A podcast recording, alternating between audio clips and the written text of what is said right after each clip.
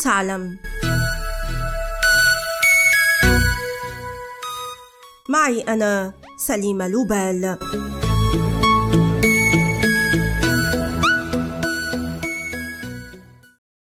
مع بداية انتشار وباء كورونا شاع استخدام ال QR code أو رمز الاستجابة السريعة لتطبيق الإجراءات الصحية رغم أن هذا الاختراع يعود إلى ما قبل 27 عاما فما قصة هذا الرمز وكيف عاد من بعيد؟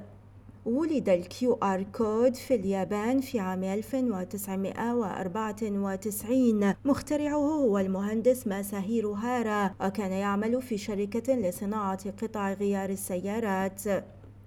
في تلك الفترة كان عمال شركة دانسو يجدون صعوبة في جرد قطع الغيار باستخدام رمز شرطي code-barres وكان يتعين عليهم مسح العديد من هذه الرموز لجرد قطعة غيار واحدة. هنا برزت الحاجة إلى رمز واحد يخزن حجما أكبر من البيانات. استلهم المهندس الياباني تصميمه من لعبة الجو الصينية وشكل رمزه من مربعات سوداء على خلفية بيضاء. كان الرمز الجديد أفضل من الباركود الكلاسيكي إذ أنه سهل القراءة وواضح ويمكن أن يخزن بيانات أكثر بمئة مرة. تبنت الكثير من الشركات هذا الرمز خاصة في قطاع الصناعات الغذائية وقطاع الصيدلة وفي نهاية عام 2000 بات أكثر استخداما من قبل عامة الناس حين اخترعت الهواتف الذكية المجهزة بكاميرات تصوير قادرة على مسح هذه الرموز.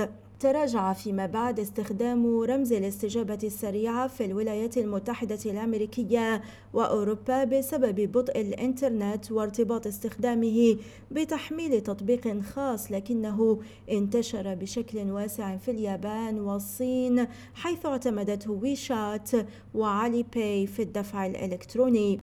عاد رمز الاستجابة السريعة في عام 2020 بقوة بعد أن أثبت كفاءته في توفير البيانات عن بعد بينما أصبح التباعد الاجتماعي من القواعد الأساسية في مكافحة مرض كورونا. فاستخدمته المطاعم على لصيقات على موائدها بدل قوائم الطعام واعتمدته دول عدة في منح تراخيص لمواطنيها أثناء فترات الحظر الصحي وأخرى في تتبع حالات كوفيد 19 يؤدي مسح ال QR code مباشرة إلى فتح رابط موقع إلكتروني لكن هذه المواقع ليست دائما آمنة.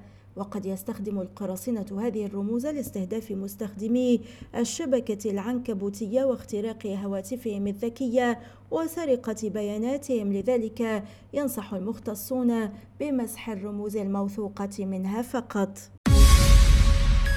والآن إلى اللقاء مع حلقة جديدة من بودكاست هل تعلم؟